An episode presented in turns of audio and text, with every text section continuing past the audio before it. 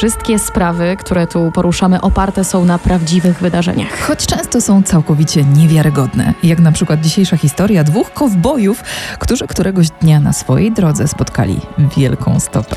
To będzie takie Brokeback Mountain pomieszane z archiwum X w wykonaniu Pauliny Sawickiej. I Aleksandry Filipek, a także tajemniczego męskiego głosu. Stranger Things. Sprawa piąta. Filmowy debiut Wielkiej Stopy. Miejsce. Union Gap w stanie Waszyngton. Data. Październik 1967. Samotny jeździec i jego wierny rumak na amerykańskich bezdrożach. Tak większość swoich dni spędzał były mistrz rodeo Bob Gimlin. A mimo epoki, w jakiej żył, Bo były to lata 60. XX wieku. Dokładnie, zatem mimo, że to były lata 60., Bob był kowbojem z krwi i kości. A podczas jednej z takich całodziennych wypraw zatrzymał się na odludnej stacji benzynowej. Nie spodziewał się, że spotka tam dawnego przyjaciela z czasów rodeo, Rogera Pattersona. Patterson po zakończeniu kariery w rodeo znalazł sobie nowe hobby, którym chciał zarazić także Gimlina, a było nim polowanie na legendarną wielką stopę. Poczekajcie, może wyjaśnimy, bo nie każdy wie, co czy kto to jest ta legendarna wielka stopa. Wielka stopa lub w języku Indian północnoamerykańskich Sasquatch to stworzenie człekokształtne poruszające się na dwóch nogach. Ma 3 metry wysokości, a jego nazwa pochodzi od pokaźnych rozmiarów odcisków jego stóp, które podobno od wieków są znajdowane przez badaczy.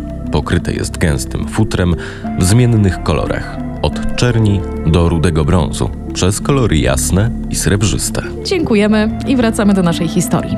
Utknęliśmy na tym, że na stacji spotkało się dwóch emerytowanych kowbojów. Tak, i tak się właśnie złożyło, że tego dnia na stacji benzynowej jeden z nich, Patterson, miał ze sobą gipsowy odlew śladu stopy rzekomo należącej do legendarnego stworzenia. Choć akurat znam poręczniejsze talizmany niż 20-kilogramowy odlew wielkiej stopy. Gimlin początkowo był sceptyczny i próbował znaleźć racjonalne wyjaśnienie, ale szybko uległ entuzjazmowi Pattersona, który korzystając z okazji zaprosił go do pomocy w kręceniu paradokumentu o dwóch kowbojach, górniku i starym indiańskim przewodniku próbujących wytropić wielką stopę.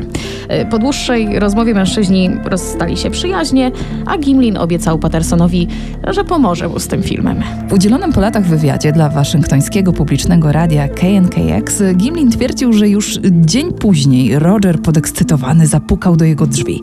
Cały w emocjach poprosił o pomoc w dostaniu się w dzikie ostępy północnej Kalifornii, gdzie w długi weekend paru jego znajomych znalazło wiele potencjalnych śladów wielkiej stopy. Miejsce. Bluff Creek w północnej Kalifornii. Data 20 października 1967. We wspomnianym już wywiadzie Giblin wspomina, że początkowo przejażdżka była niezwykle przyjemna. Liście zmieniały kolory na czerwienie i żółcie. Teren był trudny. Wzgórza i takie tam. Jechaliśmy na koniach. Roger robił mi zdjęcia i prowadził konia z bagażami. Po chwili jego koń zaczął skakać i wierzgać. Chwilę później panowie zobaczyli, co wystraszyło wierzchowce i sami też się przelękli. No raczej, no ja bym się też przeraziła, jakbym zobaczyła wielką, włochatą, człekokształtną istotę, nawet gdyby była po drugiej stronie rzeki. Roger Patterson szybko odzyskał odwagę, skoczył do konia z bagażami i wydobywając swoją kamerę, krzyknął do Gimlina. Y, O, Ola, zagrasz Pattersona, tylko wiesz, tak, ale po kowbojsku. Spróbuję. Spróbujesz? Uwaga. Bob! Osłaniaj mnie! Nieźle, ładnie. Dziękuję bardzo. Obaj mężczyźni wycelowali w kierunku wielkiej stopy, Patterson kamerę, a Gimlin strzelbę. A ponieważ filmowcami byli, no powiedzmy sobie szczerze, raczej mizernymi, to obraz e, trząsł się bardziej niż rozgniewany trener Michniewicz na myśl o meczu Polaków z Belgią, tak Na myślę. szczęście późniejsze dokonania technologiczne ustabilizowały ten obraz i jeśli macie ochotę, to możecie sobie to wszystko zobaczyć w internecie w całkiem niezłej jakości. A wracając do Pattersona i Gimlina, no to mężczyźni zdecydowali, że film wystarczy im jako dowód i nie będą strzelać do człekokształtnego stworzenia. Zebrali spłoszone konie i odjechali w kierunku cywilizacji. Po wywołaniu filmu Roger był przekonany, że 60-sekundowy film zapewni im sławę i bogactwo, no ale Bob był bardziej sceptyczny. Uważał, że słaba jakość filmu raczej dyskwalifikuje go jako dowód na istnienie wielkiej stopy, choć był przekonany, że to właśnie tę mityczną istotę spotkali wówczas nad rzeką w Kalifornii. gdy Patterson postanowił postanowił ruszyć w trasę z filmem, Gimlin szybko wymiksował się z całej sytuacji, twierdząc, że musi się zajmować swoimi końmi i nie ma czasu na turnę po Stanach. Z nich dwóch e, bliżej prawdy był Patterson. Film stał się sensacją. Miliony Amerykanów zaczęły wybierać się do lasu, próbując jak dwaj kowboje spotkać wielką stopę. A fani zjawisk paranormalnych i niektórzy zoolodzy prześcigali się w próbach w udowodnieniu prawdziwości nagrania lub ujawnienia oszustwa. Jak to zwykle w takich sytuacjach bywa, e, sława i pieniądze zniszczyły przyjaźń obu łowców wielkiej stopy. E, Gdy Bob Gimlin nie był zainteresowany jeżdżeniem po kraju, Roger Patterson odkupił od niego prawa za mizerne 10 dolarów, a potem wynajął aktora, który na zjazdach łowców wielkiej stopy podawał się za Gimlina. Mężczyźni pogodzili się dopiero w 1972 roku, gdy życie chorego na raka Pattersona zbliżało się ku końcowi.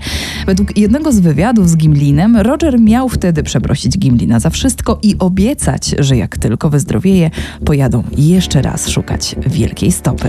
Następnego ranka Patterson już nie żył. Jego śmierć nie znaczyła jednak końca sławy filmu. Co prawda Gimlin pod wpływem żony nadal odcinał się od całej sprawy i nie rozmawiał o wydarzeniach z października 1967. Do czasu. Ale nie wyprzedzajmy faktów. W 1999 roku do historii filmu Pattersona Gimlina dołączył trzeci mężczyzna, który, jeśli wierzyć jego wersji, zamieszany był w powstanie obrazu od samego początku. Bob Hieronymus, bo tak nazywał się ów gentleman, po obejrzeniu w telewizji programu na temat filmu z 1967 roku, przerwał milczenie i oznajmił wszystkim, że to on jest istotą, którą uchwycił tego pamiętnego dnia obiektyw kamery.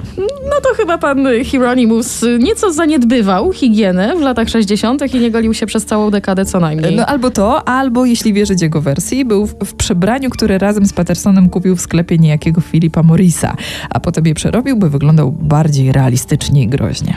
Parę lat później, w 2002 roku, wersję tę potwierdził pan Morris. Choć złośliwi wytykali mu, że próbuje zdobyć rozgłos dla swojego podubatającego biznesu z kostiumami. Co więcej, wielu fanów Wielkiej Stopy wytykało Morrisowi, że kostiumy małp w latach 60. nie były tak realistyczne jak ten w filmie Pattersona Gimlina.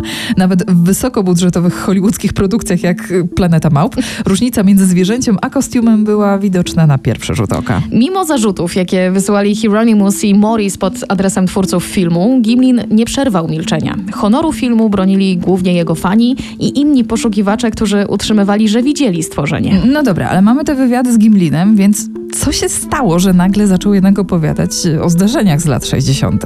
W 2003 roku przekonał go do tego rosyjski kryptozoolog Dymitr Bajanow, który pisał książki o rosyjskiej wersji Wielkiej Stopy, o człowieku śniegu.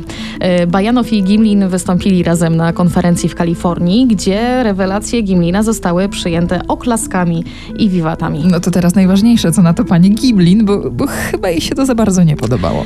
Jakoś tam się dogadali, podobno toleruje to tak długo, jak żadni reporterzy, dziennikarze, ani inni łowcy dziwolągów nie zjawiają się pod jej domem. A Bob wreszcie po latach cieszy się sławą jednego z pierwszych łowców Wielkiej Stopy.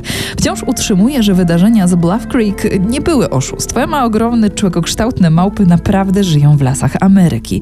Apeluje też, by ludzie, którzy je zobaczą, nie zachowywali się wobec nich agresywnie i nie polowali na nie. I, i żeby po prostu pozwolili im żyć. A niedowiarkom odpowiada tak.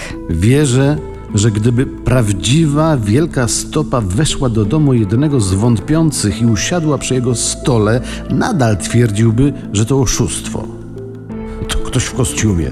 No, niedowiarkowie są tacy naiwni, no. Więc tak już zostanie. Ale ja będę powtarzał prawdę do dnia, kiedy zaczną obrzucać mnie błotem. O, i to jest pięknie powiedziane, chociaż ja dalej mam wątpliwości co do Wielkiej Stopy. Ja też, ale to chyba jedna z tych zagadek, których do końca nigdy nie rozwikłamy. Paulina, A? odwróć się. Widzisz kogoś w lustrze? O matko. Stranger Things.